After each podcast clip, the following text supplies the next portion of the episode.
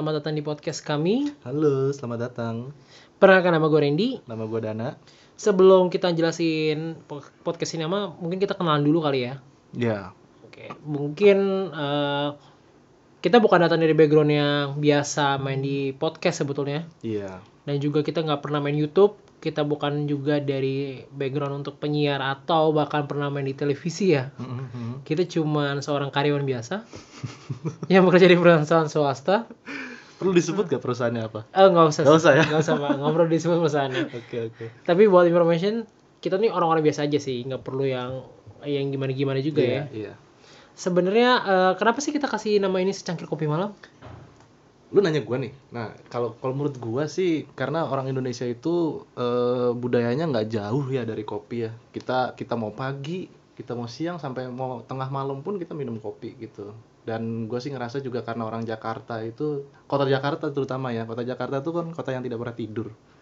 Jadi lu bisa ngeliat tuh kayak di pinggiran-pinggiran kota Jakarta malam-malam ada aja mamang-mamang lagi ngopi gitu kan. Nah, biasanya dalam pergumulan perkopian itu banyak tuh topik-topik hangat yang diangkat. Benar, gue juga ngerasa sih kalau misalnya ngobrol yang enak tuh harus ada kopi, biasa kayak gitu. Sama Dan- mecin sebenarnya. Bener, Micin dagangan saya dong Oh, Bapak. iya. Eh, sama ngopi, emang enak banget sih sebetulnya. Eh, kita juga pengen supaya teman-teman semua yang denger mungkin kita akan upload ini malam hari ya. Iya. Ya mungkin di sekitar jam 8 hari Rabu kita akan berusaha untuk konsisten upload. Tujuannya udah pasti ya buat para-para pendengar yang mungkin baru pulang kerja bisa nyantai sambil denger podcast kita dan bahas eh, dengar-dengar catatan kita. Kita akan bahas sedikit banyak tentang keresahan kita ya di Jakarta ya. Iya, tepatnya. gue sendiri sih banyak mengalami eh, pemberitaan-pemberitaan yang cukup liar sebetulnya. Liar. Jadi liar itu menurut lu pakai pakai leopard gitu atau gimana? Eh, bukan, Oh, bukan, bukan. Lebih lebih lebih lebih tepatnya banyak berita-berita yang sebetulnya ini nih hoax nih. Oke. Ini nih beritanya bener nih. Mhm. Nah, kita nih karena sering banyak informasi yang berseliweran, kita sampai nggak tahu nih mana yang benar, mana yang salah. Hmm, betul, betul. Nah, di podcast ini kita mau ngomongin tentang fakta-fakta aja nih. Oke. Dan beberapa tentunya dari sudut pandang kita. Iya. Hmm. Jadi mungkin ini akan mewakili sebagian besar dari kalian atau mungkin sebaliknya enggak. Iya. Ya enggak? Benar, benar. Kita pengen eh, kalian juga ada interaksi di kita juga. Kita bakal ada di Instagram Iya. buat ngobrol, bakal sharing-sharing juga apa pendapat kalian Iya. dan pandangan kalian seperti apa. So eh, di Jakarta juga nggak cuma sekedar lu kerja aja kan ya. Benar, benar, benar, benar. Nah, gue tuh ngelihat sekarang fenomena sekarang tuh ada istilahnya mental illness. Kenapa kenapa mental illness sih menurut gue? karena kenapa ya di Jakarta ini heavy traffic dan gue sering banget dengan teman-teman gue tuh sedikit sedikit mental illness mereka tuh sebenarnya sakit apa sih sebenarnya gue Hmm. pengen tahu sih apa ketika gue lagi eh, banyak utang terus gue gak mau ringan aduh aduh aduh mental gue terganggu nih apa gimana sih gue nggak tahu kayaknya semua orang bilang adjust dirinya gue tuh mental gue terganggu gitu loh bahkan ada sampai salah satu eh, eh, artis Instagram itu juga Siapa? bilang sebutin aja namanya. nggak bisa jangan dong Pak. jangan dong Kita, tidak- kita tidak di endorse ya. itu dari endorse Oh, siap, sama siap, artis siap. Instagram dia bilang ketika dia promo sesuatu yang sebenarnya salah Mhm, akibatnya fatal mhm, begitu ditanya sama para followersnya mhm. kak gua nih eh, pakai produk yang kakak sages ternyata hasilnya tuh parah Oh sampai kayak gitu kah? iya terus dia bilang katanya sorry sorry sorry mental gue lagi terganggu gue nggak bisa diganggu ini jawaban Itu jawaban, apa sih? pembenaran aja, pelarian dia sebenarnya. Dia, dia, nggak mau gitu ya. disalahin juga sebenarnya karena emang dia kan dibayar tuh sama Eh. produk pasti dong. Eh. Terus apa namanya? Dia memasarkan produk itu dengan mukanya dia gitu sebagai influencer. Tapi ternyata produk yang dijual sama dia belum tentu bagus juga gitu kan. Itu kan jadi sedikit banyak juga mempengaruhi dia gitu lah. Hmm. Nah, dia bagaimana caranya supaya lepas dari segala tuduhan-tuduhan itu gitu makanya dia bilang oh gua mental illness nah padahal sebenarnya mungkin menurut gua sama sekali nggak ada indikasi atau indikator kalau dia benar-benar mengidap mental illness yang mungkin agak berat gitu ya gitu loh emang mental illness tuh anyway tuh kayak gimana sih sebenarnya mental illness sih apa namanya ada banyak sih jenisnya. Ada banyak banget jenisnya. Kayak lu udah mulai cemas aja tentang lu masa depan mau bagaimana. Lu belum punya goals misalnya di masa depan. Lu cemas itu berarti ya. Itu sudah termasuk lu ada indikasi untuk mengidap penyakit kejiwaan ini gitu. Dari itu dari kecemasan eh, lu juga kayak lu misalnya apa namanya eh, punya post traumatic maksudnya apa sih post traumatic itu? Setelah lu trauma mengalami sesuatu mungkin keluarga yang yang baru meninggal atau misalnya eh, diri sendiri yang mungkin kelilit hutang atau segala macam lu lu ngedown lu ngerasa diri lu tidak berguna lu ngerasa diri lu salah aja gitu ya. Nah ini yang mengantarkan lu ke tempat bukan tempat ya maksud gua kayak ke pintu namanya depresi itu nah, Hmm. Selain itu ada banyak lagi ada skizofrenia, Ya. ada bipolar, ada apa namanya?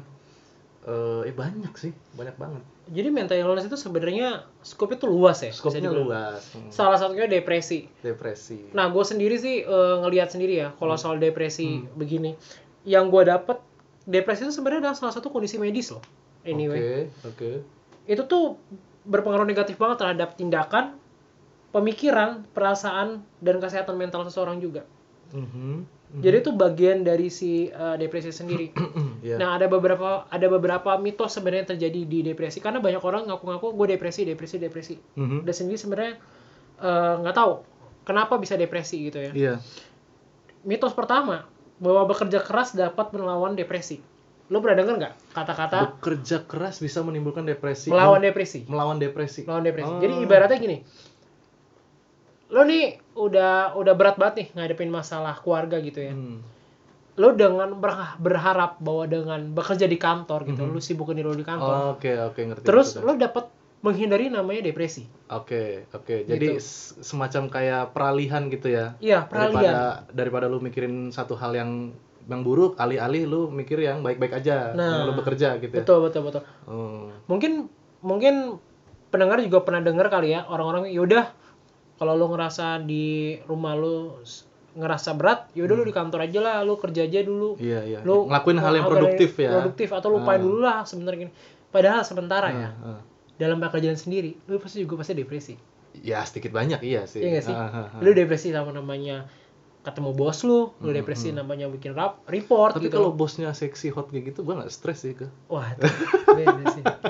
Ini bosnya yang gimana nih pak versinya nih pak? Yang yang apa namanya eh, udah punya anak satu, ya kan? Hmm. Suaminya udah meninggal. Wow, Mama Mia ya. Oh mami. Mama Mia ya. Mama Mia dong. Iya. ya terus terus gimana tadi? Terus ada yang kedua, depresi Hmm. itu bukan penyakit sebenarnya. Oke. Dia tuh lebih tepatnya adalah eh, situasi yang bikin dia yang Oke. yang bikin dia seperti itu. Jadi Oke. jangan berpikir bahwa depresi depresi itu seperti Hmm. lu batuk. Itu bukan kayak gitu. Ini mental. Maksudnya seperti batuk tuh gimana? Gini, kalau batuk itu mungkin dia akan lebih lebih lebih clear, fisiknya lebih ketahuan gitu ya. Lu Oke, keluarin batuk, oke, lu ngerti, pilek ngerti, gitu ngerti, ya. ngerti, ngerti. Nah, bukan kayak gitu, tapi eh, depresi sendiri sebenarnya adalah eh, pengalaman lo atau Oke. mungkin kejadian di sekitar lo yang sesuai dengan perkiraan lo. Mhm, mhm. Gue sendiri ngerasa ya, eh, depresi itu bisa terjadi ketika lo berharap sesuatu tapi tidak sesuai dengan ekspektasi lo. Oke. Lo pernah nggak? Gue selalu bilang bahwa ketika lo taruh misalnya pengharapan lo sama satu orang ya, Mhm. gitu ya di mungkin di di bagian kepala gitu ternyata yang yang yang terjadi cuma sampai di mata kaki lu bisa bayangin nggak jarak jauhnya itu kecewanya itu luar biasa kan Iya, Ya, itu iya, bisa iya. jadi depresi Oke. itu bisa jadi depresi Oke. depresi juga bentuk eh, mengasihani diri sendiri nah lu pernah nggak ngerasa eh, bilang bahwa ketika lu mengasihi mengasihi diri lu sendiri lu bilang ini depresi gue nih mengasihi diri." nggak juga Mhm. mengasihi diri sendiri tuh masih masih sifatnya normal masih ya tapi dalam kadar Oke. tertentu ya dalam Oke, kadar oke, tertentu oke. Hah? jadi memang ada yang ada yang ada yang kacau banget sih ada yang lebay gitu Mhm. mengasihi diri sendiri Mhm, mhm. gua sedikit sedikit aduh sakit aduh sakit gua tersakiti kan itu sebenarnya itu gimana ngomongnya Aku pria kesepian, aku pria tersakiti gitu ya. Itu itu termasuk mengasihani diri sendiri. Eh, itu bagian dari mengasihi diri sendiri sih Oke. Dan itu bagian mitosnya itu bagian dari depresi itu. iya betul Oke. Aha. itu tuh mitos itu tentang eh, tapi ada penelitian menarik Mhm. ini masih dalam perdebatan ya bahwa depresi itu adalah faktor genetik. Oke, oke, oke. Ini gue dapat di research bahwa di faktor biologi beberapa DNA menunjukkan bahwa perusahaan mempelajari genetik para peneliti menemukan ada hampir 15 gen dalam DNA yang sangat mungkin terkait dengan depresi. Oke. Ini masih masih perdebatan sih. Mhm, mhm. Anyway, jadi kita belum gue juga belum tahu apakah ini clear betul terapuf atau enggak. Jadi buat teman-teman juga pendengar bahwa bilang eh, langsung bilang wah depresi ini keturunan belum tentu. Ini masih diperdebatkan. Oke, oke, oke. Ini masih diuji lagi. Oke. Jadi berita-berita yang kayak gini berita-berita ngambang nih. Mhm. Jadi jangan berspekulasi bahwa ketika lo bilang bokap gua tuh orangnya depresi, nah gue juga depresi. Belum tentu teman-teman. Oke. Lo bisa jadi sesuatu yang lebih kuat lagi sebetulnya. Oke, oke. Aha. gitu untuk depresi. Nah, faktanya depresi itu bisa terjadi sama siapa pun, Betul. Oke. termasuk anak-anak. Masuk anak-anak. Oke. Mungkin lo berpikir kayak gue dulu mikir mikir anak kecil tuh eh enak ya. Ketawa doang. Iya gak sih? Apa yang dilakuin kayak seneng aja. Seneng aja Hmm, bahagia. hmm, hmm. Tapi anak kecil tuh bisa depresi loh. Oke. Buat beberapa hal dia bisa depresi. Contoh, dia tertolak dalam lingkungannya, itu juga Oke. bagian dari depresi. Iya, iya, iya. Itu bisa buat anak itu depresi. Mhm, mhm, mhm. Jadi buat buat buat kita semua nih Mhm. ketika ngelihat anak kecil jangan bilang bahwa anak kecil ini baik-baik aja, belum tentu. Mhm, mhm. Kita harus aware dan hati-hati buat hal itu. Mhm, mhm. Karena kenyataannya bahwa anak kecil tuh menghadapi hal yang hampir sama, cuma skopnya berbeda. Iya, iya, iya. Tapi hasilnya tuh sama gitu loh, depresi juga gitu. Iya, iya. Kejadian-kejadian nekat mungkin dilakuin. Mungkin Senekat apa sih anak kecil itu? Nah, gini. Anak sekolah, contoh gini. Kita bisa kita sering dapat berita bahwa anak SMA itu bunuh diri karena dia gagal dalam UN. Oke, oke. Itu hampir kejadian setiap tahun. Tapi itu baru sekedar ide untuk bunuh diri kan? Atau udah percobaan bunuh diri? Sudah bunuh diri malah. Oh, sudah bunuh diri. Faktanya sudah bunuh diri. Setiap tahun ada. Menimbulkan korban. Gara-gara gagal UN. Iya, semenjak semenjak makanya Sembilan. eh, saya mendengar bahwa si Bapak Gojek ini akan menghilangkan UN ini Eh, agak cemburu juga sebenarnya sih. Kenapa tidak dari dulu ya? Karena zaman kita- Bapak Eptanas namanya kan, Pak ya? Oh enggak sih pak, saya udah UN pak. Oh, sudah. Saya udah UN. Kamu jangan, jangan kan? Saya tidak setua itu pak. Tapi pas zaman Bapak itu ada, udah ada dua paket apa gimana, Pak? Oh, ada tiga paket pak. Oh, udah tiga paket. Baru tiga paket. Oke, siap, siap. IPA eh, tiga paket ya, tiga paket. siap. Eh, Itu SMP tiga tapi paket. tapi soalnya soal ABC atau ABC pak, semua ABC. Oh, dong. jadi misalnya si yang depan lu soal A, yang lu B, yang belakang lu C kayak gitu. Oh iya iya iya. Oh. Udah ada yang itu, udah yang itu. Tapi oke lah ya, itu itu ini aja intermezzo aja. Hmm. Ya ya berarti kan gue nggak setua itu. Kurang ajar juga sih. Nah, depresi itu juga berkembang secara perlahan. Hmm. Jadi tanpa disadarin ya, Iya. lu tiba-tiba nih uh, membiarkan uh, mental lu itu ngerasa diganggu. Gue Hmm. pribadi sih ngeliatnya mungkin kayak gini kali ya. Lo pernah nggak di satu sisi tuh terlalu traffic gitu ya, Mhm. dalam tanda kutip Mhm. di pekerjaan Iya. sama rutinitas itu lu pengen pengen liburan dulu, pengennya ngerasa Oke. rilis dulu. Oke. Pernah nggak ngerasa kayak gitu? Iya. Itu pernah. gua rasa itu ketika lu udah harus kayak gitu lu mendingan liburan deh. Jangan dipaksain. Mhm. Karena kenapa? Nanti akan jadi nggak maksimal.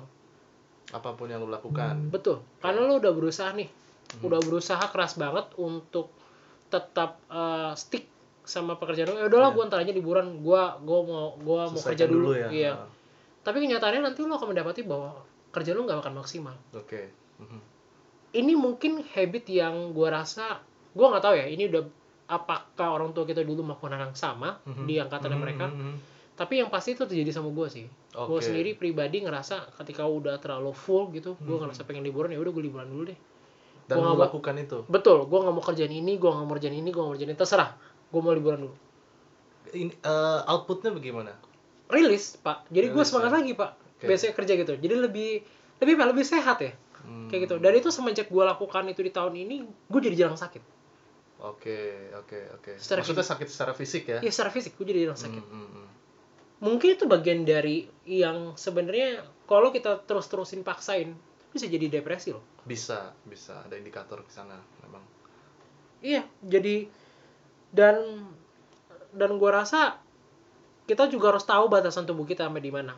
Baik dari mental, Hmm, hmm, hmm. dari fisik juga Iya, gitu. betul, betul. Dan Betul, kebanyakan kita kan taunya cuma ya udah fisik doang nih. Kita Hmm. belajar banyak tentang fisik, Iya. Eh, tentang kebebasan tubuh kita kita olahraga segala macam tapi mental kita kita nggak coba untuk Hmm. Benar, entertain Benar, benar, benar. benar itu banget. sama halnya orang lebih banyak ke acara finance keuangan dibanding ke acara self improvement gitu ya. yes betul Oke, oke, oke. Oke gitu ya faktanya. iya orang lebih banyak juga orang lebih lebih lebih banyak kunjungin kunjungin eh, tempat-tempat yang yang di, yang sifatnya tuh gak ada hubungannya dengan kesehatan mental sementara lu butuh Oke, oke, oke. contohnya apa ke psikiater lu pernah nggak? jujur aja ya jujur aja nih ya jujur aja gue gua selama hidup ini gitu ya dari gua orok sampai hari ini gua jarang banget tuh denger tentang eh di tempat ini psikiaternya bagus loh atau misalnya si si dokter itu tuh kamu gue. kenal nggak gitu Setuju. nggak pernah digosipin sama ibu-ibu arisan gitu Iya, bener-bener. jadi apa namanya eh, mungkin sampai hari ini pun gue juga masih ngerasa psikiater atau psikolog gitu agak tabu aja gitu punya punya pekerjaan sesuatu misalnya punya punya meja sendiri di suatu rumah sakit itu agak ini aja karena apa ya kalau misalnya kita lihat di di di di negara-negara barat ya orang-orang kayak gini tuh orang-orang yang seperti dokter juga. Malah dianggap dokter. Yang nggak dianggap yang tidak dianggap dokter tuh dokter gigi. Nggak ada urusannya sama kesehatan dan lain-lain sebagainya. Beneran? iya serius. Karena apa namanya eh aduh gue ngerasa ini misalnya gue ngerasa itu gue ngerasa eh, tidak baik lah gitu. Oke lu gue temenin ke psikiater karena di sana bener-bener apa namanya eh, disokong sama pemerintah sana. Lu kalau misalnya eh, ngerasa ada yang masalah sama mental lu diri lu ya lu datang ke psikiater. Dan psikiaternya pun juga yang udah punya eh, lisensi atau segala macam bagus-bagus gitu. Sementara di Indonesia tidak begitu gitu. Nah ini sih yang maksud gua eh, tentang pengetahuan eh, kesehatan di Indonesia tuh yang masih kurang gitu ya. Makanya Ya. kita pun juga sekarang masih ngelihat banyak anak-anak yang stunting kayak gitu. Ya. mungkin dari dari hal-hal yang paling kecil aja gitu ya. Tumbuh kembang anak kan paling utama paling paling nyata gitu kita lihat. Tapi kan orang-orang pada eh, abai gitu ibaratnya. Sampai yang eh, lebih delicate lebih rumit kayak mental illness kayak gini orang-orang juga mungkin ah gue depresi gue kayaknya nggak bisa ini gue banyak masalah. Ya lu istirahat aja deh atau enggak ya apa urusannya sih? Orang ujian doang kok. Ya semua orang pasti depresi. Lah tapi ternyata mungkin di dalam dirinya dia pernah ditinggal sama orang tuanya meninggal misalnya. Kan nggak ada yang tahu Iya, gitu betul. loh nah, kar- nah karena itu menurut gua depresi itu harus bertemu dengan orang yang tepat. Harus bertemu dengan temen orang-orang yang tercinta yang disayangi sama yang mungkin yang ahlinya itu dokter. Betul penting banget sebetulnya sih. Iya. Buat ngomong gitu. Dan jangan ngerasa ketika lu masuk ke sana lu jadi orang gila gitu. Bukan seolah-olah tuh ya. Iya, seolah-olah ya. Itu, itu bener sih itu, tuh bener mindset sih. yang se- Itu sebanget bener so. Ah. tapi gue lihat sih sekarang ya gue ngeliat beberapa orang tuh sekarang tuh udah mulai. Udah Oke. mulai menyadari bahwa pentingnya ke psikiater. Oke. Jadi ada temen gue juga udah udah udah mulai sadar dia baru putus Ah, sama pasangannya dia ngerasa berat banget akhirnya dia ke psikiater. Dia putus deng- putus dengan pasangannya terus dia datang ke psikiater. Iya, karena Oke. dia ngerasa kayaknya diri dia udah gak berharga lagi. oke. Dia udah udah udah udah bilang kayak ah kayak gue bunuh diri aja nih. Kayak ada niatan seperti mau bunuh diri tapi belum terjadi tapi mau Mhm, niat gitu ya. mhm. akhirnya pergi ke psikiater. Itu penting sih sebenarnya ke psikiater Iya. itu. Dan eh, buruknya orang-orang Indonesia sendiri sebetulnya berpikir tuh masih tentang tentang ngobatin aja. Makanya tadi gue bilang gue ada sikap yang preventif dulu gitu ya. Mhm. sebelum gue sampai ke tahap depresi iya. gitu ya. Gue akan coba entertain pemikiran gue gue akan entertain diri gue Mhm. gue akan tahu di mana ketika oh ini baik buat diri gue nih. Hmm, ah ini nggak baik buat diri gue hmm, gue tahu gitu loh. Jadi nggak cuma sekedar fisik gue tapi mental gue juga. Mhm. nah kita tuh budaya kita tuh kita tuh sering banget namanya budaya recognize di mana kita sakitnya. Tapi kita nggak pernah nggak pernah menanamkan budaya gimana cara kita preventifnya? Paham gak maksud gue? Oke oke. Heeh. lu sampai di ranah eh, sakitnya itu baru lu coba cari-cari. Nah kadang-kadang suka ada lewat. Hmm, gitu loh udah keburu depresi dulu jatuh. Hmm, hmm, hmm, hmm. nah buat kalian gitu ya yang ngerasa diri kalian tuh terbeban berat dan pengen eh, bingung mau gimana saran gue ya nggak masalah sih ke psikiater. Ngerti nggak ya? iya iya benar. Jangan sampai lu sampai terjadi di ruang depresi dan lu ak- akhirnya sendiri Hmm, ada nggak ada siapa-siapa di ruangan itu ya lu berpikir untuk bunuh diri. Bener nggak? Benar benar benar tapi ngomong-ngomong depresi nggak apa-apa nih ya cerita ya. Iya. mungkin lu udah tahu atau belum tahu tapi ya buat ngebagiin juga gitu ya. Eh gua nggak ngerasa hal ini harus ditutupi gitu ya. Karena gua yakin pada waktu itu gue bermasalah juga gitu loh.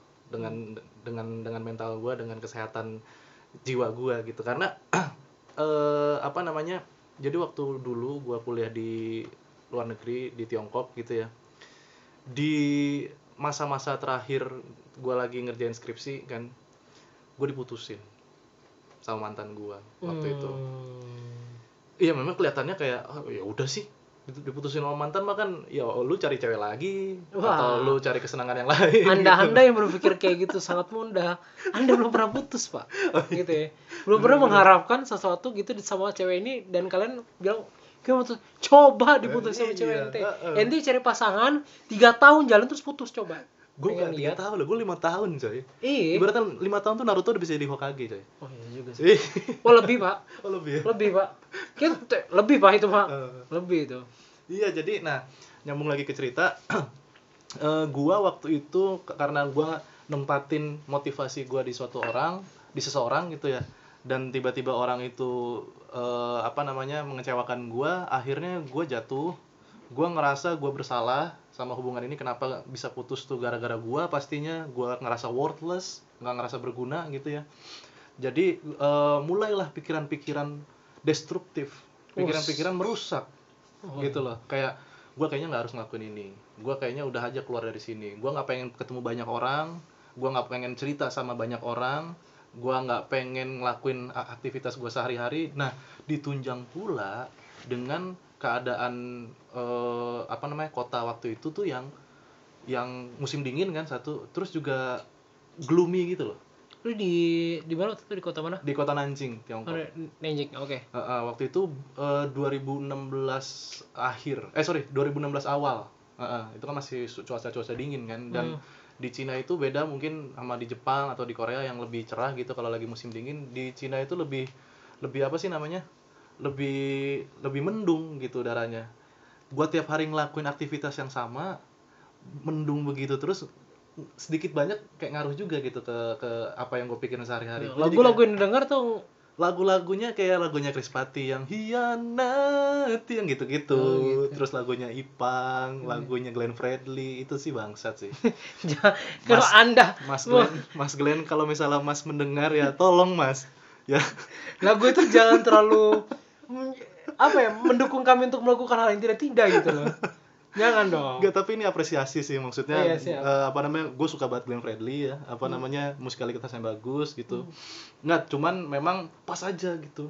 Karena gue kan eh, ciri-ciri orang yang yang kalau misalnya mendengarkan lagu nggak berdasarkan genre-nya gitu ya gue berdasarkan su- suasana hati gue gitu. Sama sama Mm-mm. exactly, sama sama. Nah kalau misalnya gue kemarin lagi lagi jatuh begitu ya gue pengen dengerinnya kayaknya yang sedih-sedih aja gitu loh. Mm-mm. nah waktu itu bener-bener gue nggak tahu ngapa-ngapain di gue nggak tahu gue harus ngapain. Karena misalnya gini ini kita bicara common sense aja ya.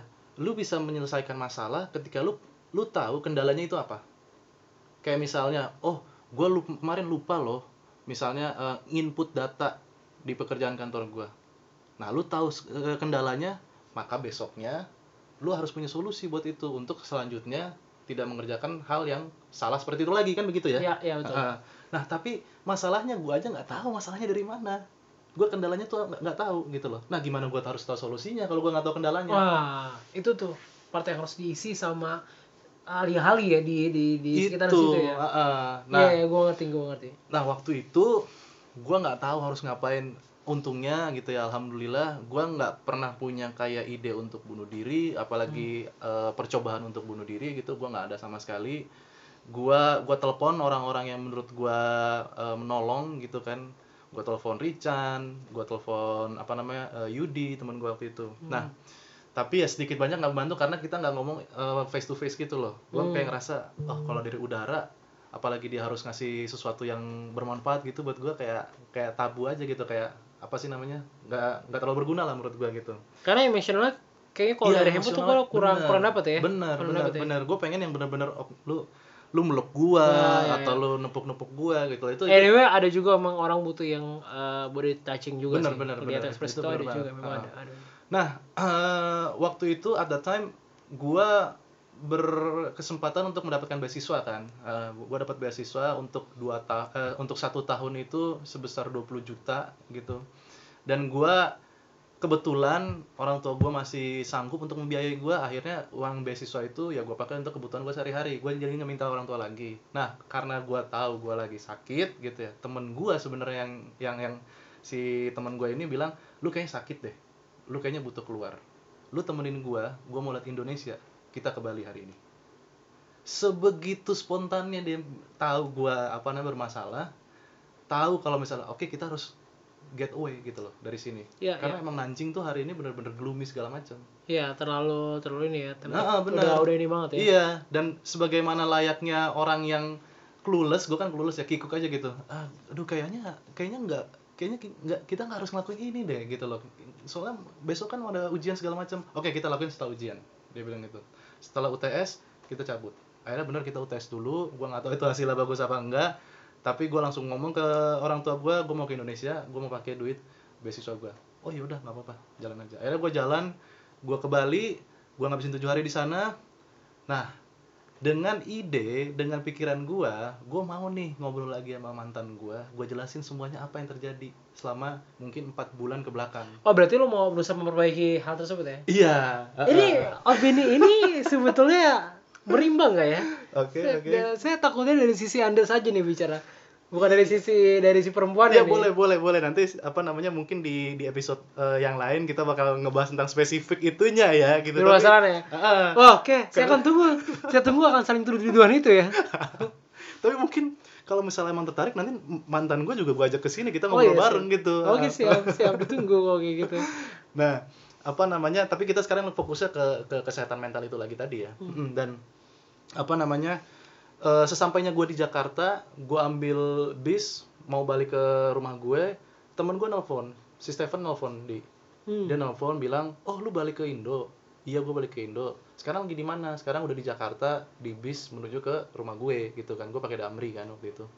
Terus apa namanya? Dia bilang kalau bisa nggak usah ketemu. Gue harus nyebut nama nggak ya? Si kayaknya orang nggak terlalu peduli juga sih. Oh, orang nggak terlalu Iya. peduli. Iya, gue harus eh, apa namanya ngubungin Putri nggak? Eh, lu kayaknya nggak harus ngubungin dia deh. Si Stephen teman gue bilang kayak gitu loh. Kenapa emang ya? Karena dia udah punya cowok lain. Wih, itu sih benar-benar udah gue kayak oke gue udah liburan, gue pengen keluar dari segala kepenatan, tiba-tiba jatuh lagi begitu kan hancur ya. Heeh. Akhirnya ya udah gue beranikan diri, gue datang ke rumah, semuanya gue anggap sama seperti biasa gitu kalau misalnya gue pulang ke Indonesia gue ketemu sama keluarga dan lain-lain tapi masih ada yang kurang gitu loh Hmm. nah si perempuan Setoran, ini eh maksudnya ka- Eh, ya. apa nih, apa Oh, nih? iya, lanjut. Kurang kan kita belum belum ada jatah-jatah ya, belum belum ya. belum belum belum saya nggak tahu pak kayak gitu gitu Tolong tolong podcastnya agak lebih berkelas. Oh, ya. iya, iya. nah eh nggak nanti di, di akhir cerita gue gue pengen apa namanya kalian atau Randy gitu yang menanggapi cerita gue aja sih. Ha, kayak gitu. Maksudnya bisa masuk nggak ke kategori depresi atau apa namanya gimana sih kira-kira kalau misalnya jadi gue tuh harus bagaimana gitu. Nah terus setelah itu eh gue ajak dia ketemu gue ajak dia ngobrol gue jelasin apa yang terjadi empat bulan ke belakang kalau gue tuh ngerasanya mendung aja di otak gue gitu kan gue nggak ngerasa pengen ketemu sama banyak orang gue pengennya udah diem aja di rumah gue pernah punya pikiran kayak kasih gue satu tangki galon aqua gitu ya gue pergi ke suatu pulau udah sendiri aja gue gue nggak mau ketemu siapa siapa Gue kira lu pengen kayak Soekarno, Pak. Kasih saya 10 pemuda, saya akan guncangkan Indonesia bukan ya. Tiba-tiba gairah reformasimu kuat sekali gitu. Iya, seakan-akan ada bendera merah putih Iya, di belakang gua gitu kan ya. gitu. Nah, apa namanya? eh, dan ngobrol sama dia tidak membantu ternyata. Karena dia bilang, "Ya, gua udah jadian, mau bagaimana?" Kayak gitu kan. Ya gua mungkin masih peduli sama lu, tapi lu kemarin mungkin nggak peduli sama gua dan bagaimana sebagaimana layaknya manusia normal ketika lu udah nggak ada kabar ya gue cari cowok lain ya oke mungkin itu yang benar Oh, at the time dia ngomong kayak gitu dia ya. ngomong kayak begitu Ah, oke. nah akhirnya ya oke lah kalau begitu tapi kan hidup harus terus jalan dong life Ya. must go on gitu akhirnya gue mau pindahin dulu ini ke belakang balik lagi ke Cina untuk ngelanjutin kuliah gue nah turning pointnya di sini di ini turning pointnya di sini guys. Jadi apa namanya waktu itu gue ngerasa mungkin ada hubungannya antara gue begini dan tingkat kereligiusan gue gitu. Kereligiusan gue gitu loh. Religi ya. Beragama ya. beragama nah Ini ini, mungkin nanti- Sejenis kampus yang ada di sekitaran daerah Senayan itu ya. oh binus Bukan. oh bukan apa Enggak, tuh sampingnya itu loh, Pak. uham kak Oh ya, saya menyebut merek mulu dari tadi. Nggak boleh dong. saya tidak di endorse sama Binus dan Uhamka, by the way guys. Hmm. Ya jadi apa namanya? eh gua udah mulai apa namanya eh, sesi-sesi curhat, cerita-cerita gitu ya. Gua menganggap kalau misalnya pencipta gua ada di depan gua, gua ngobrol sama dia kayak gitu. Tapi sebenarnya nggak menyelesaikan masalah gitu kan. Gua nggak langsung dapet solusi gitu dari sana. Akhirnya waktu itu gua lagi suatu malam gitu kan, karena gue biasanya kayak gitu. Karena gue bisa tidur nih waktu tidur gue rusak karena eh, pengerjaan skripsi itu juga gue ngerasa kalau kalau soju kalau alkohol bisa ngebantu gue tidur. Akhirnya gue setiap malam sebelum gue masuk rumah gitu ya abis ngerjain skripsi nih sebelum masuk rumah gue minum dulu. Oke. gue minum dulu gue ngerasa oh ngantuk oke gue pulang. Di sana nggak ada nggak ada cap tikus di situ. Cap tikus gak ada pak Nggak ada ya? ada caplang Oh caplang. Dia tuh kurang hangat itu pak minumannya pak. Kalau ada cap tikus baru akan lebih mantap itu kayaknya. Iya sih. Nah, apa namanya? Gue ngabisin dua botol soju sendiri gitu ya. Nah, gue nongkrong di stasiun MRT. Nah, jadi di stasiun eh, MRT gitu, kalau misalnya lu juga udah pernah tahu MRT kan gitu kan ada yang di bawah dan di atas gitu ya. Iya. Nah, ini stasiun MRT yang dekat rumah gue tuh yang bagian atas, terus di bawahnya itu mereka punya taman gitu. Nah, gue duduk-duduk di sana sambil ngeliatin mobil lalu lalang, sambil minum, ng- nungguin ngantuk terus pulang. Nah, pas lagi gue nungguin itu ada lebah gitu. Ini ini ini klise mungkin kedengerannya ya, bener. Kayak lu anjing naif banget gitu loh. Lu lu lu klise lu, gue gak percaya cerita lu, tapi ini bener terjadi sih. Apa namanya? Gue ngerasa ih ganggu banget sih lebah gitu loh. Gue lagi galau nih, gue pengen dapetin momen gitu loh. Heeh. Tapi gue bilang ganggu banget sih, nggak guna segala macem. Terus gue mikir kayak kok gue bisa judgmental gitu loh sama ciptaan Tuhan gue bilang nggak berguna gitu loh padahal semua ciptaan Tuhan pasti harusnya Ada- ada- ada- manfaatnya ada dong manfaatnya. Heeh, gitu loh. Event tempat sampah juga ada manfaatnya. Loh. Padahal kan itu ciptaan manusia, ciptaan manusia ya. benar benar benar Iya kan? benar, Event benar. tempat sampah ada manfaatnya. kecoa gitu yang biasa orang tuh takut gitu itu ada ada manfaatnya Iya. sebenarnya nah Kalau kelaparan digoreng digoreng dadakan gitu. Heeh, enak tuh lima ratusan lagi kan Heeh. suka nyampur kan itu kan sengaja kan kegoreng kan oke. gue gue pernah beli tahu kok segitiga itu ya tahu segitiga itu Serius? terus ada. nggak ada rasa apeknya gitu rasa rasa kecoanya gitu Di situ kenikmatannya, Pak. aduh pak aduh, Aduh. saya nggak mau lah Harga sama kesehatan memang sama sejalan, Pak. Kalau harganya murah, ya kesehatannya juga turun di bawah gitu. iya sih benar benar benar That's why kenapa eh, salah satu dunia fantasi di Jakarta murah keselamat murah harganya karena keselamatan juga diskon, Pak. Oh, Naik gitu. roller coaster di diskon keselamatannya. Paham kan? oke oke lanjut. oke the more I know oke nah anyway eh, dari sana gue ngerasa kayak semua ciptaan Tuhan pasti ada manfaatnya ada gunanya kenapa gue harus berani begitu ngomong ke ciptaan Tuhan. Terus gue mikir lagi kayak loh iya gitu. Gue kan manusia kan sebagai ciptaan Tuhan yang paling sempurna ya katanya gitu ya. Kenapa nggak punya tujuan? Gue Hmm. seakan-akan kayak mikir oh iya gue belum punya tujuan coy. Nah, buat kalian pendengar, menurut saya tempat sampah saja ada tujuannya. Kalau anda tidak punya tujuan, saya tidak mengerti anda dibuat apa. Ada tempat sampah gitu apa mungkin anda limbah? Limbah kan? Limbah udah- tuh yang bawa ini kan, udah, burung elang. Oh, limbah, Oh, limbah, limbah. Iya, limbah. iya. Nah, apa namanya? Gue mikir iya betul, ternyata gue tidak bertujuan. Dan gue malu gitu sebagai makhluk ciptaan Tuhan yang paling sempurna, manusia gitu ya. Kok nggak punya tujuan? Akhirnya dari situ gue bergegas pulang, ya kan? Gue riset-riset lagi apa yang sudah gue kerjakan beberapa tahun ke belakang. Akhirnya oke, gue buat tujuan. Tapi tujuan itu juga tidak terakomodir kalau misalnya lu tidak punya motivasi. Kalau gue ngerasanya begitu ya, gitu. Jadi sejalan gitu kayak visi dan misi aja. Motivasi dalam tanda kutip ini eh, apakah yang lo maksud itu adalah eh, triggernya atau memang Betul, triggernya. Oh, trigger ya, oke. Jadi kayak apa namanya? Karena gue tahu nih eh, setiap orang pasti rentan akan jatuh. Nah, yang akan ngebuat dia bangkitnya lagi itu motivasi sendiri gitu loh. Hmm. Terlepas dari apa pun itu. Kira-kira misalnya motivasinya ibu gua atau misalnya motivasinya keluarga gua atau pacar gua ya terserah itu siapa pun gitu ya bisa. Nah, ak- akhirnya oke, gua buat tujuan, gua tentukan motivasi gua dan wah itu sih bener-bener kayak life changing sih. Gua Oke. gua ngerjain apa pun setelah itu tahu apa yang harus gua kerjain. Iya, jadi kayak plot twist gitu ya. Jadi kayak udah gue bener-bener berubah gitu loh. kayak, karena oke, fokusnya lo ganti sih bener sebenarnya. bener bener bener. Tapi Nah, bukan itu. bakal Nah itu cerita gua guys. Coba mungkin kalian pengen berkomentar. Nah tapi untuk kali ini biar Randy coba yang berkomentar. Nah kalau buat gue sih di situasi yang genting seperti itu ya tadi yang gua gua fokus kepada ketika di masa lu baru mendapati kabar akan lu putus sama dia dan lu ngerasa gloomy dan segala macam. Nah pada saat momen-momen itu ketika lu ngerasain seperti itu Iya. itu lu butuh sih butuh seseorang ya, Untuk seperti bercerita temen lu. ya. iya Mhm. lu butuh seseorang untuk cerita temen lu nah buat kalian yang masih bingung mau cerita sama siapa gue saranin ke psikiater Iya. jangan takut jangan kalian ngerasa bahwa ketika ke psikiater wah gue kayak nggak punya Tuhan nah ini ini salah banget sih Iya. anyway ke psikiater itu tidak mengganggu hubungan kalian sama Tuhan kalian masing-masing Hmm. lepas a- apa pun agama kalian Hmm. Nggak ada hubungannya Hmm. kalau nanti sifatnya berhubungan dengan agama Hmm. eh, dokter psikiater itu akan eh, menyarankan kalian untuk pergi misalnya contohnya eh, masalah ini berhubungan dengan agama Iya. dokter psikiater akan mengusulkan kalian untuk pergi ke pendeta Iya. atau mungkin pergi ke ustadz Iya. untuk ngobrol Mhm, mhm, mhm. itu sesuai dengan kebutuhan masing-masing. Kalau memang pada satu kebutuhan tentang mental kalian, tentang mental health kalian, Hmm. dia akan coba ngomong secara kedokteran jadi. Mhm. Jadi buat kalian jangan ngerasa eh, mungkin kalian denger, yaudah cerita aja sama Tuhan. Enggak, bukan bukan ke situ arahnya gitu loh. Iya, iya. Buat eh, nggak ada yang hal yang salah, bahkan dokter juga eh, Tuhan juga loh yang yang yang buat ada profesi profesi dokter ya. Iya. Gitu dan itu nggak ada yang salah dengan hal itu gitu. Mhm. Nah, bu- buat kalian di posisi yang kayak tadi bentar deh. Sorry gue potong. Kalau misalnya kejadiannya misalnya gini, lu seorang yang berkeluarga negaraan Indonesia, Ya. tapi kebetulan lu berdiaspora ke negara lain, katakanlah Bangladesh misalnya, lu nggak tahu psikiater di sana ngomong apa, apa yang lu lakukan gitu loh. Eh, karena selama di sana masih ada internet ya buat saya video Iya call sih, it's iya, okay iya, sih. Itu, iya. Kok video call, itu ya? video call oke sih. Iya sih, benar-benar juga ya. Mungkin ke ke dalam berpikiran berbeda kali ya.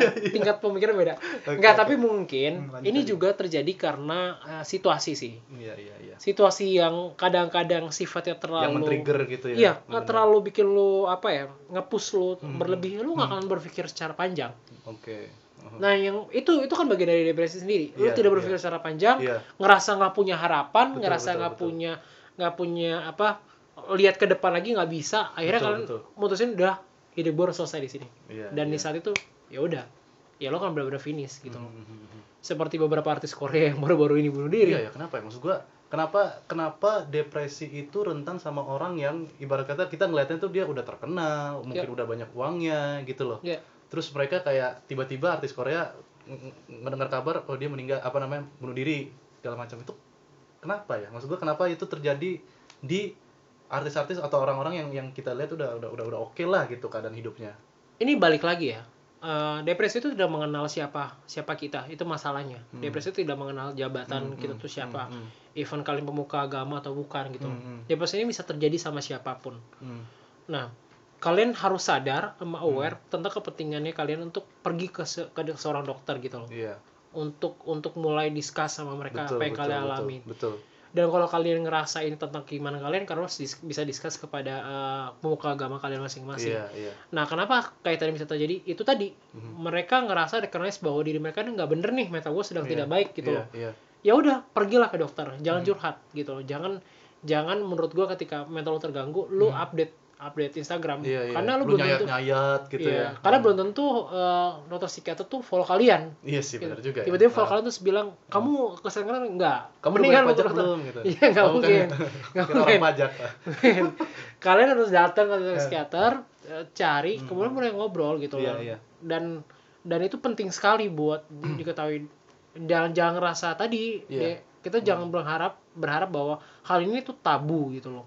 Buat Betul, ke dokter betul, psikiater. betul, ini buat dokter orang-orang yang sudah mengalami kejiwaan. Iya, iya, iya. Anyway, mental illness juga bagian kejiwaan loh. Betul, betul, Gitu. betul banget. Ah, dan apa namanya? eh, tapi di Indonesia ya, gua gua ngelihatnya sih orang-orang yang terkena mental illness, apalagi kayak lu lu, lu pernah ini gak sih? Pernah tahu gak sih? Dan gue yakin lu tahu dan kalian pun juga pasti tahu ya. Kayak ada nih misalnya apa namanya caleg di suatu daerah di daerah mana gitu di Indonesia. Tiba-tiba dia nggak kepilih nih.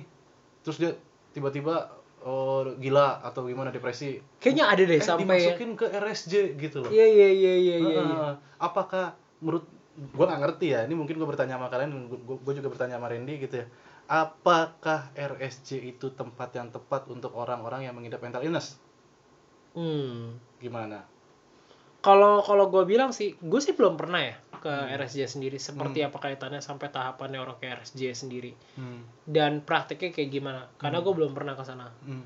Tapi yang gue tahu itu adalah memang ketika mental lu bermasalah, Hmm. ya lu harus ke dokter. gitu loh Oke. dokter yang hubungannya dengan psikologi Mhm, gitu dan itu bisa jangan sampai parah lah menurut gue Iya, jangan iya. sampai kacau gitu loh kalau udah ngerasa yang nggak bisa lihat harapan ya Mhm. buat gue itu ada pembiaran sih di situ Iya, gitu loh. iya. nah balik lagi gitu loh ini nih mental mental yang sebenarnya harus dibangun ya pertama hal tabu ke dokter Eh, ke dokter psikologi kedua Iya. eh, lu hanya merecognize ketika lu sudah terjadi Hmm. sudah terjadi masalah yang besar gitu ya udah udah berat banget nih kenapa lu nggak dari kemarin-kemarin gitu loh untuk kalau memang ada masalah yang Hmm. kira-kira duh gue udah nggak bisa nih ya udah lu datang ke, ke psikologi Iya. dan dan ketiga cara yang paling menurut gue paling yang gue terapin adalah ya lu beli pujian sama diri lo supaya mental lo baik Oh, self proclaim. yes betul kayak misalnya Jadi, lu menyelesaikan Kok sesuatu lu ya ganteng banget sih hari Yes. ini. Lu ngomongnya tapi di depan kaca gitu. yes Oke, oke. lo terus lu bisa bilang sama diri lu ketika menyelesaikan sesuatu hal lu bisa kasih diri lu tuh kayak ah Penghargaan. iya gitu penghargaan ya. kayak lu bisa bilang wah lu ah, lu hebat nih udah selesai ini you're done apalagi Lu kita laki-laki makan gitu. anyway laki-laki juga butuh gitu laki-laki butuh banget dipuji Mhm. dan buat perempuan yang jarang memuji laki-lakinya hati-hati jangan sampai ada perempuan lain yang memuji laki-laki Lain gitu. yes Oh. gitu Kok kayaknya dari hati banget sih, Bapak? iya Oh, bukan gitu. pak bukan gitu karena kebetulan pasangan saya ada di belakang saya bukan Oh, gitu gitu. maksudnya bukan bukan bukan gitu Iya, tapi iya. memang butuh dipuji karena dipu muji diri sendiri dalam tanda kutip dengan batasan yang normal ya kayak tadi kan Hmm, bilang ada ada orang yang berlebihan ya itu bagian dari mental illness sebenarnya kalau kayak Iya, gitu iya.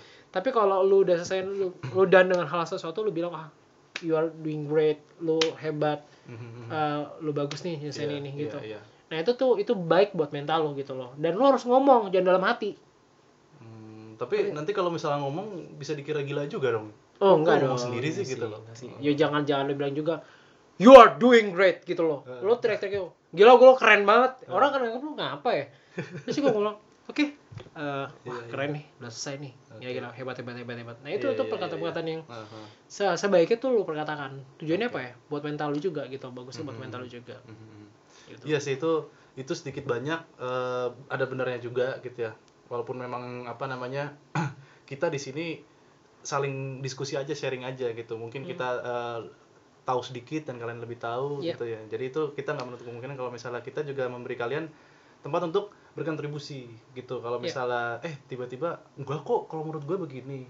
Tapi kalau menurut kita nggak begitu gitu misalnya Iya. gitu. Nah itu bisa bisa hadir diskusi di sana. Nah gue pengen ngebahas tentang oke kita ngebahas tadi tentang eh, keadaan preventifnya berarti kan Iya. Ha-ha, kita ketemu sama pemuka agama kita udah tahu nih ada yang salah sama diri kita oke kita langsung pergi ke psikiater misalnya Iya. kayak gitu nah gue pengen apa namanya ngejelasin juga tentang gejalanya simptomnya oh gitu ya dia Ah, ada gejala-gejala khusus ya ada gejala khususnya udah kayak ini ya penyakit memang ya. penyakit kan Oh, iya gitu sih. jadi lu harus Anyway. tahu kalau Iya, lu oh, juga. gua misalnya kayak kayak flu aja deh gitu lu udah udah udah, udah bersin bersin terus lu mungkin badan lu udah mulai eh, hangat gitu ya tenggorokan temperatur mulai enak ya? Tenggorokan hangat itu kan gejala untuk Iya, flu kan? betul, nah betul. ternyata gue baca nih ini dikutip dari American Psychiatric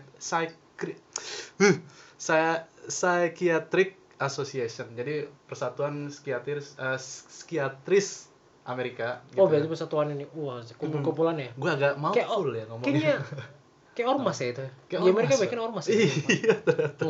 Cuman mereka nggak ada gerakan 151 itu oh nggak ada, nggak ya? wah jangan mulai perdebatan di sini pak tidak boleh tidak boleh iya iya iya, nggak, nggak. akan ada saatnya nanti kita bahas itu Oke, siap, siap, siap. Tapi hari ini kita tetap fokusnya ke mental illness itu lagi ya. Oke, baik lagi nih, ini gejalanya ya, yang gua kutip dari gua gua ini aja ya, gua singkat aja. Iya. Susah mouthful soalnya ngomongnya. APA, American Psychiatric eh, Association. Sorry, sorry kalau misalnya pengucapannya salah ya. Nah, ini gejalanya seperti merasa sedih atau jatuh. Hmm. Satu. Ya. Kedua, bingung berpikir atau berkurangnya kemampuan berkonsentrasi. Dua. Ketiga, bersalah yang ekstrim. hmm. Empat, penggantian suasana hati naik dan turun yang ekstrim. Hmm. jadi cepat cepat Oh, cepet cepet emosi, berubah-ubah ya? tapi cepet baik lagi gitu loh. Hmm. kayak bukannya Joker ya Iya, nah itu. hmm. Nah, eh, terus yang kelima, penarikan diri dari aktivitas dan teman-teman. Hmm. Heeh. Keenam, kelelahan yang signifikan dikarenakan rendahnya energi atau masalah dengan tidur. Menjauhi realita. berdelusi berdelusi berupa paranoia atau halusinasi. Hmm, Jadi gara-gara kurang tidur gitu, terus apa namanya kelelahan yang signifikan gitu ya, akhirnya berdelusi, ber, apa namanya per- eh, berhalusinasi gitulah ya. Ke selanjutnya gitu ya, ketidakmampuan untuk mengatasi masalah sehari-hari atau stres gitu. Selanjutnya kesulitan memahami dan berhubungan dengan situasi dan orang. Selanjutnya masalah dengan alkohol atau penggunaan narkoba. Selanjutnya perubahan besar dalam kebiasaan makan, dorongan seks berubah, kemarahan, permusuhan atau kekerasan yang berlebihan, dan pemikiran bunuh diri. Itu gejalanya. Oh gejalanya. Jadi pemikiran bunuh diri itu termasuk gejala, Gejala. dari itu. Bener, Di. Bener. Dan kalangan seksual juga termasuk gejala ya. Jadi misalnya lu tadinya Kalau difungsi seksual tuh termasuk gejala depresi bukan? diferensi seksual. Ah, Dia ini bukan. bukan bukan ya, bukan ya, bukan ya. Nah, jadi Difungsi seksual maksud saya. Jadi jadi sulit untuk Membedakan. berkonsentrasi gitu loh. Kita tadi kan kaitannya dengan itu ya. betul betul. Sama saya kurang setuju ya. Apa? Seperti yang dibilang bahwa orang ini hilang dari teman-temannya gitu. Menarik- perkumpulan- menarik menarik diri kamu. Ada kemungkinan dia banyak hutang pak sama daerahnya sih. itu bisa jadi juga. jadi jadi dia tiba-tiba ngilang-ngilang ngilang. Wah, dia nggak bayar hutang si bangsat nih mana nih? Enggak pak, tapi maksudnya dari bayar hutang itu dia jadi bermasalah kan, merasa bermasalah. Akhirnya dia menarik diri dari masyarakat gitu loh. Hmm. Jadi ada masuknya juga sebenarnya. Oh, Heeh. jadi jadi ini ada dua nih. Jadi jangan tapi gini teman-teman, kalian harus pelajarin juga jangan sampai teman-teman kalian tuh hilang ternyata dia ngilang gara-gara banyak hutang atau atau seperti semacamnya gitu loh. atau ternyata temen lu baru habis dari Korea terus operasi plastik, Iya, menarik diri kan. Menarik diri. Heeh. hmm. nah itu gejalanya sih. Apa namanya? eh, gua harap eh, gua gitu yang pernah eh, merasakannya, Randy mungkin dan kalian juga yang mendengarkan juga tahu gitu loh. Pasti ngerasain sih. Iya. Kalau misalnya udah ngerasa-ngerasa udah seperti itu, wah cepet-cepet sih. Lu harus datang ke psikiatritis gitu atau Iya. ke eh, pemuka agama gitu ya. Mm-mm. Sesuai dengan dengan kebutuhan masing-masing ya, sama percaya masing-masing ya. Hmm. Dan dan emang eh, kita juga harus cepet-cepet untuk recognize ini sih. Iya. jangan anggap enteng juga sebagai depresi dan jangan jangan juga melabelkan diri kalian tuh gampang depresi Iya. itu juga nggak bagus sebenarnya Benar, nggak baik benar, juga sebetul kayak kenapa gue bilang tadi kayak di awal kita udah bilang eh, sedikit masalah aduh gua nih lagi depresi nih lagi masalah Mhm. belum tentu juga gitu loh Iya. belum tentu juga tapi sebaliknya kalian harus banyak-banyak mengapresiasi diri kalian gitu loh Itu bener sih. Iya. gitu Hmm, hmm. jangan berfokus sama yang negatifnya Iya. Nah, em, gua yakin eh, ke depannya orang-orang sudah tidak menganggap bahwa pergi ke psikiater itu udah sebagai hal-hal Hal yang yang tabu ya. hal yang tabu Hmm, tuh hmm, hmm. sebenarnya harusnya udah nggak begitu. Iya. Gue lihat juga beberapa juga generasi milenial juga sudah melakukannya ya. Hmm, hmm. Sekarang mereka juga udah punya pandangan yang cukup baik ya sama Iya. ke dokter-dokter psikiater Hmm. gitu-gitu.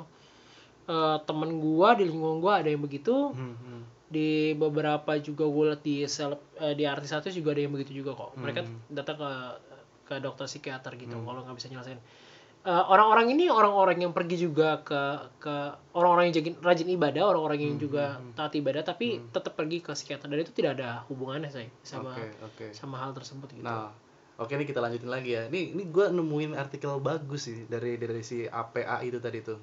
Jadi selain dia ngomongin tentang gejalanya gitu ya, dia ngomongin juga tentang apa namanya apa sih yang menyebabkan orang bisa terkena depresi. Nah, ini depresi atau kejiwaan penyakit kejiwaan lah ya pada umumnya.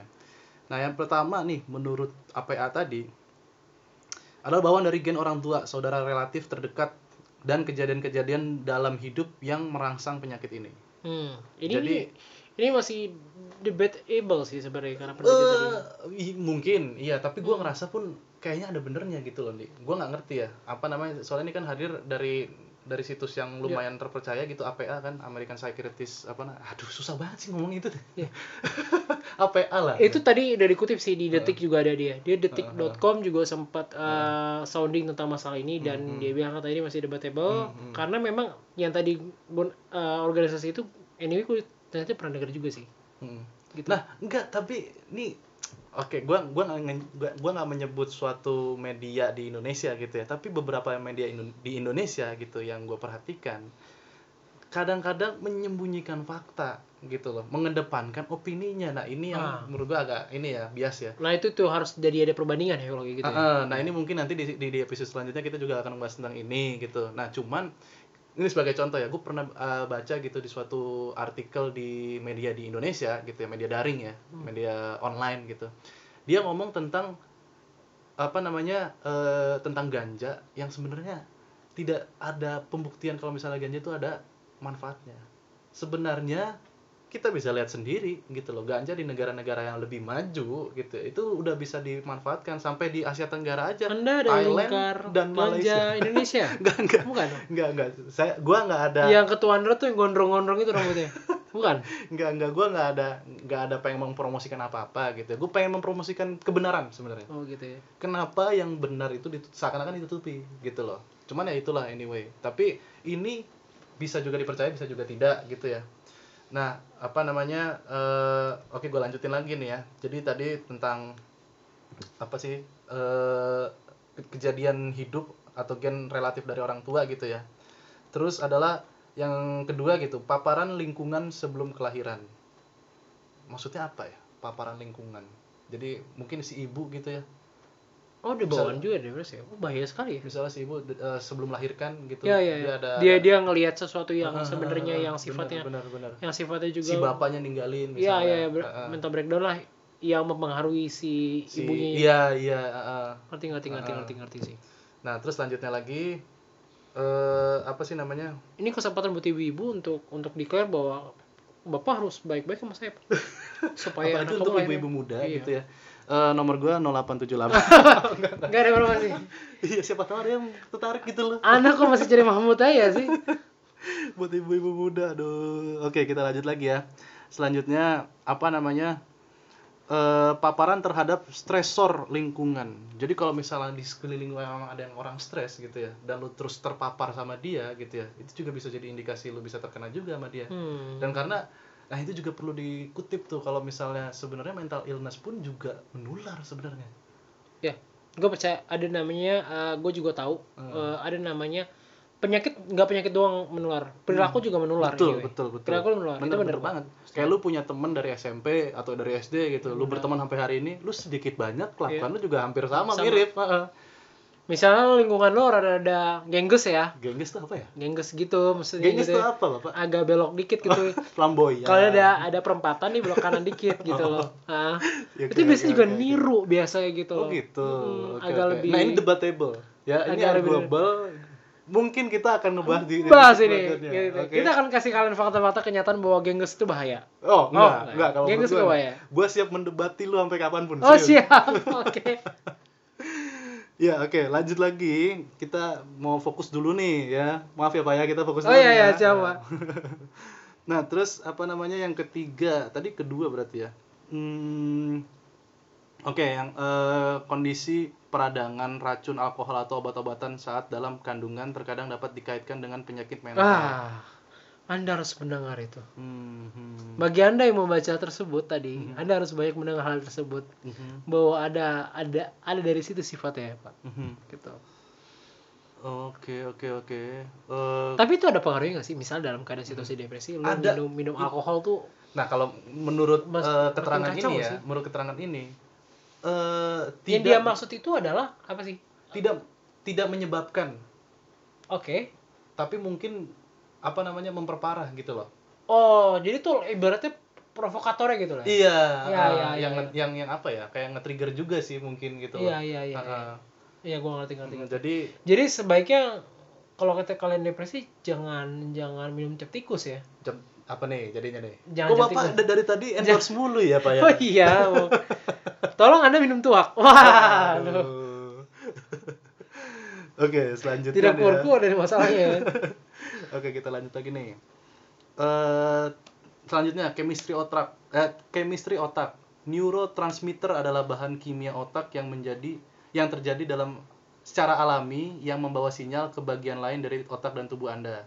Ketika jaringan saraf yang melibatkan bahan kimia ini terganggu, fungsi reseptor saraf dan sistem saraf berubah yang mengarah ke depresi dan gangguan emosional lainnya.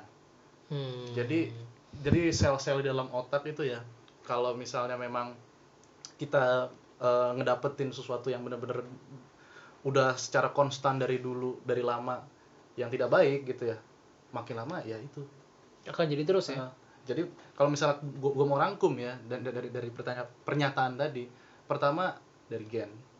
Dari apa namanya orang tua yang mendapatkan eh, perlakuan tidak baik se- sebelum si anak lahir gitu ya terus dari apa namanya dari post post traumatik maksudnya kejadian setelah trauma iya. gitu ya. Iya.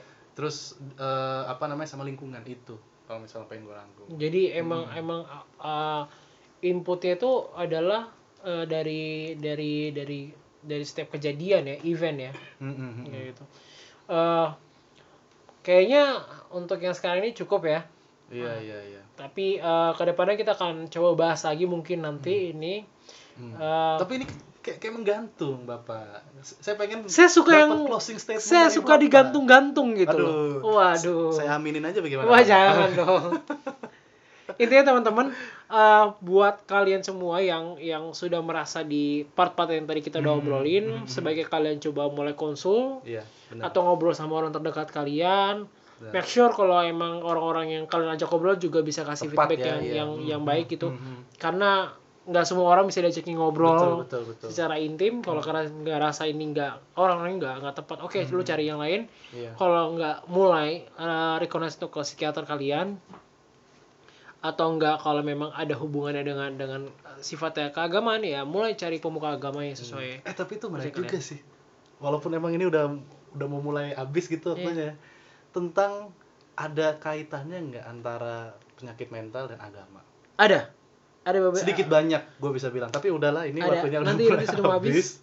Udah habis. Kita apa namanya? Mungkin di di episode selanjutnya Oke, boleh kita mau boleh, bahas tentang ini. Bisa ya? Iya. Ah. tapi kita bukan kita ini bukan ahli expert dalam ilmu psikologi ya enggak, ya enggak. kita Ini kita juga kita ibaratnya juga juga ngelantur juga ngomongnya mungkin ya kita by research aja sih berarti. aja mau fakta-fakta aja ya nih tahu siapa tahu teman-teman punya fakta kita sih pengennya kalian juga punya interaksi juga sama Hmm, kita benar, ya benar. Kita juga pengen tahu mungkin faktor-faktor yang unik Hmm. orang sampai depresi atau kalian pernah alami depresi Oh iya, Ya, mungkin itu bisa kita share. Kita berbagi sih maksud Iya. gua Karena semua orang beda-beda ya. lu benar, Iya, benar. karena semua orang beda-beda pasti benar. itu sih gitu ada Ya, Oke, apa namanya untuk dari gue cukup sih. Ya itu aja. Oke kalau kayak gitu untuk dari gue juga cukup Eh, tunggu aja kita akan terus eh, upload ini di hari Rabu Mhm. tepatnya di jam 8 Um, kalau bisa eh, kasih tahu teman-teman kalian juga supaya teman Like, kalian juga dapat apa? Like, subscribe, and comment. kita gitu. nggak ada Apa kayak sih? gitu udah lu dengerin aja deh bos gitu ya dan tunggu uploadan kita deh, aja Oke deh. Gitu. Ya. Dana signing out. Eh, Randy signing out Sampai jumpa di episode selanjutnya. Bye bye. bye